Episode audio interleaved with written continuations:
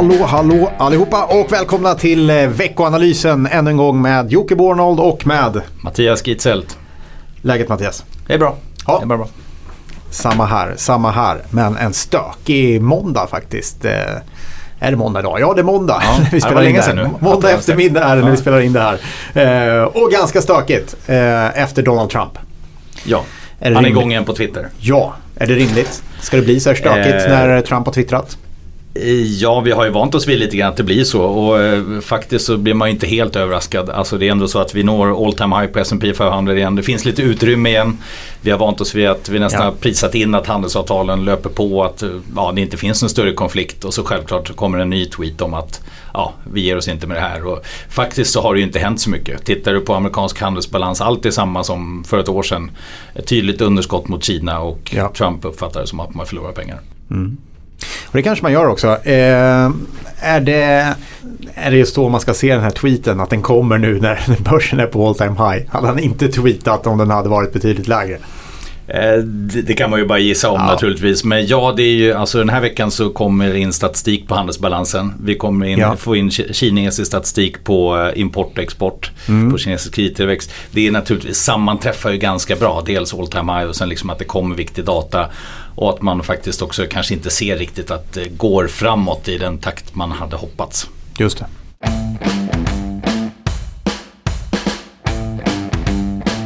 Det känns som, eh, man glömmer bort det lite grann också, att man, marknaden och, och har fokuserat, marknaden har fokuserat väldigt mycket på den ekonomiska biten i handelsavtalet. Att eh, jo, man kommer hitta vägar och, och komma fram och, och få till en deal. Man glömmer bort den politiska delen i avtalet. Att det är rätt mycket politik här också. Och framförallt en Donald Trump som hyfsat snart ska in i en valkampanj också och förstås behöver eh, visa upp sig för väljarna. Att han gör Absolut. resultat och allt det där. Och det ser på senaste tweeten också så är det ju, ja han skriver ju bland annat att det här är en av de bästa starter som en president har haft de Ja. första två åren. Och så, ja, självklart.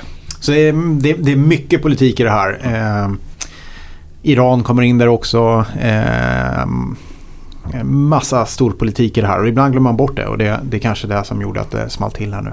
Kanske inte helt oväntat. Det var inte ett moln på himlen, eh, på börshimlen under Nej, en lång och- period. Och till slut måste det komma någonting i alla fall. Ja, och vi har ju pratat senaste veckan om att faktiskt makro fortsätter att vika ändå. Rapporterna Mm. kommer ju in okej, men det är ju sånt som man redan vet lite grann. Men Ja. allt som pekar framåt är faktiskt inte så, ja, ser inte så positivt ut. Även förra veckan faktiskt så kom det in, om man tittar på sådana här globala inköpschefsindex, Just det. eh, 12 månader i rad med nedgång. Ja. Det är ju liksom det närmaste vi kan komma en bra ledande indikator för vart tillväxt och annat ska ta vägen. Just det. Eh, Så att jag tycker ju lite grann att alla sådana faktorer har faktiskt pekat på snarare mer avmattning och eh, det är väl rapporter och annat som har hållit upp och framförallt att då amerikanska centralbanken och så vidare kanske är lite mer åt hållet att man inte stramar åt lika mycket. Men avmattning vilket Räntan gör att det är rimligt med att börsen kanske ja, börjar Ja. prisa in lite sämre tider också. Just det.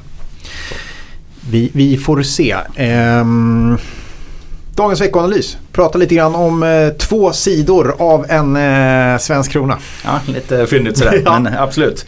Och det var väl mer lite grann för att eh, lyfta fram då att det naturligtvis finns bra och dåliga sidor. Vi vet ju om att kronan har försvagats väldigt mycket. Ja. Vi har pratat om det en del i samband med Riksbanksbeskedet naturligtvis. Och inte minst efter förra veckan så kom det in svag inköpschefsstatistik även i Sverige. Vilket gör att snarare kronan ja, är fortsatt helt Ja. svag. Fortsätter försvagas idag också. Ja exakt och handelsviktat så är vi ju på nivåer vi hade för tio år sedan under brinnande finanskris. Så Ja. det är ju verkligen en, ja, en signal om att svenska kronan är väldigt svag. Och det vi lyfter fram då är ju lite grann att det finns en risk naturligtvis att man får lite effektivitetsförluster. Att eh, när man då gynnar sig i konkurrenskraften av en svag krona så Just kanske man tar tar tag i sådana saker man annars borde effektivisera. Ja. Eh, det är det ena. Det andra är naturligtvis att urholka vår köpkraft lite grann. Mm. Både bolagsimportera mycket men också hushållens köpkraft. Ja. Och ytterligare en sak är ju lite grann att våra tillgångar naturligtvis blir mindre värda att res ut. Och det ser vi bland annat av utländska aktörs eh, intresse av våra fastigheter och så vidare. Eh, Just det. kommersiella fastigheter. Eh, sen har vi naturligtvis positiva saker. Och vi får in mer turister naturligtvis. Mm. Jättebra. Vi, våra exportbolag gynnas naturligtvis av det här. Efterfrågan ökar eftersom konkurrenskraften är stark. Så att det är lite två, två mynt. Alltså, ja, eh, Ja. Eller två sidor av samma mynt på något sätt. Men eh, totalt sett så är det naturligtvis inte bra att, tycker jag då i alla fall, på lång sikt att han har för svag valuta jämfört med en slags jämviktsnivå. Just det.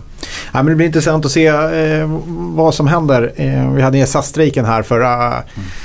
förra veckan. Pratade så mycket om den. Och eh, man refererar ju hela tiden till industrimärket när det kommer till löneförhandlingar. Det är mm. 2,3 procent och det är någonstans alla i Sverige. Jag tror i princip alla som lyssnar på det här, inklusive mig själv, vi också har liksom detta märke eh, att slåss mot jämt när man försöker få upp sin egen lön.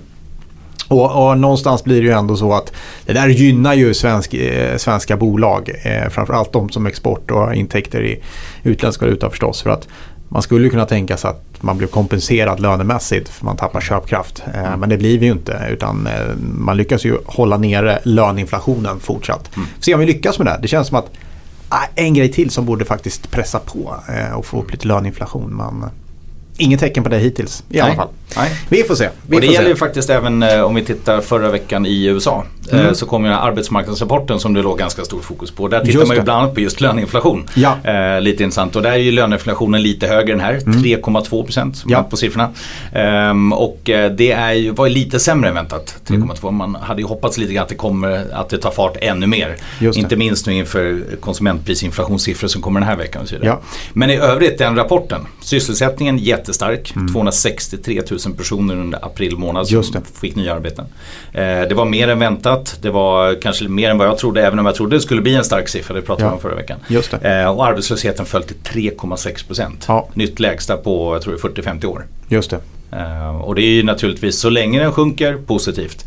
Men vi är ju nu, kommer från en nivå över 10% ner till 3,6. Det är ju svårt att se att vi ska ner till liksom 2-3%. Ja. Uh, och det som brukar hända är att vi kommer till en recession. Redan nu lär det vara ganska svårt att hitta personal förstås. Eh, redan på de här nivåerna. Ja och sen hade vi också andra data i USA kom in lite svagt då. Till mm. exempel mm. inköpschefsindex återigen. Det som är ISM, den nationella mätningen. Kom in sämre än väntat. Mm. Eh, så det är sådär. Men eh, ljuspunkt i övrigt förra veckan tror jag var eurozonens tillväxt. Ändå. Just det. För där har vi ju pratat om den här skillnaden ja. mellan lite hårddata och mjukdata. Alltså Exakt. Det som är kanske lite mer humörsindikatorer och det som faktiskt är till exempel industriproduktion. Och här visar det sig ändå att ja, men det varit bättre än väntat. Så mm. 0,4% tillväxt under kvartalet. Ja. Vilket analyserad takt är ungefär 1,5. Eh, och det visar ändå att lite bättre start på året än vad vi hade avslutning förra året.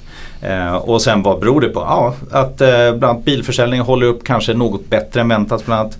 Eh, och naturligtvis kanske lite förhoppningar också att det faktiskt stimulanser ska börja ge lite stöd. Eh, ja. Vilket gör att det kanske har varit lite bättre aktivitet mm. i vissa delar. Till och med mitt favoritland Italien eh, klev upp ur eh, sin eh, och hade lite plus faktiskt när det kommer till tillväxt.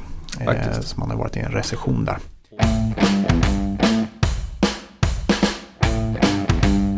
Och faktiskt också om vi bara tar Italien eller överhuvudtaget i Europa, vad kan ge stöd framöver lite grann. Mm. Så har vi ju faktiskt både Italien, Frankrike och Tyskland som kanske kommer med lite finanspolitiska stimulanser i år. Mm. Eh, det skulle kunna ge ett lyft förutom att Kina då kanske stabiliseras. Men där kommer ja. det också nya sådana här inköpschefsindex i Kina och de visar ju faktiskt inte ytterligare förbättring. Nej. Så, Blandade ja, resultat från Kina? Blandat, ja. eh, absolut. Och absolut ingen kraftig återhämtning någonstans, kanske en botten. Det är väl så man kan säga. Ja, ska vi gå vidare lite grann så har vi också ja, vi har de här oroväckande eh, signalerna från inköpscheferna. Eh, och då handlar det om PMI-siffror. Mm. Och de är ju långt ifrån lika positiva som börsen.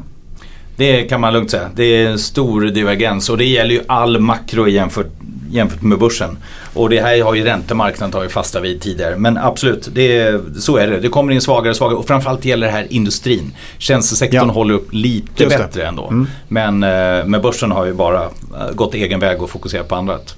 Och det är ju för att Tittar man eh, så är det fortfarande så att man förväntar sig faktiskt en räntesänkning i år i USA. Och ja. går det ihop med den sysselsättningsrapporten vi såg förra veckan? Ah, kanske inte. Utan det är ju i så fall om Trump är på ännu mer om att Fed ska ändra spår. Och jag har ju svårt att se det hända egentligen men han kommer ju naturligtvis vara det. Ja. Och det är ju lite intressant ändå för att eh, normalt så lägger sig ju inte politiker i den formen av eh, kommunikation. Men eh, ja, då, i det här fallet så har vi det. Ingenting eh. är som det en gång var. Eh, och det är klart, det blir lite handelsoro igen nu då kring Kina och USA. Det lär ju inte stötta PMI-siffror som är framåtblickande eh, intervjuer. Och det får vi se. Som sagt det kommer en del siffror från Kina den här veckan. Import och exportsiffror, det kommer kredittillväxtsiffror. Jag tror det kommer inflationssiffror också. Så att, eh, mycket intressant att kika på i Kina. Mm. Spännande. Eh, något annat vi ska ha koll på? Ja, är det några bolag som kommer? Eh, Securitas har vi fått idag. Ja, och det var ingen... Eh, det var okej. Okay. Jag tror den steg lite grann. Men, eh, vi, ja, nej, men försäljningen var lite bättre. Eh, marginalerna var väl som förväntat. Eh, nej, det var, det var helt okej okay från, från Securitas. Så och sen är det väl också att eh, ett, ett bolag med ganska defensiv karaktär som presenterar en okej rapport en riktigt dålig dag. Ja, så, det är så kanske det, det, det är okej det är okay. att presentera på. Precis. Ja. Eh, sen har vi idag har vi också omröstningen om Oscar Properties. Eh, när det här släpps har vi kanske fått resultatet av den här obligations eh, röstningen där ägarna till obligationen har röstat om de vill gå med på de ändrade villkoren i obligationen eller inte. Eh, och det är ju någonstans eh, livsavgörande för, eh, kanske inte för Oscar Properties men eh, sannolikt för Oscar själv som storägare i Oscar Properties. Så vi får se vart det tar vägen. Så det ska jag väl fortsätta ha lite koll på i veckan här tänkte jag.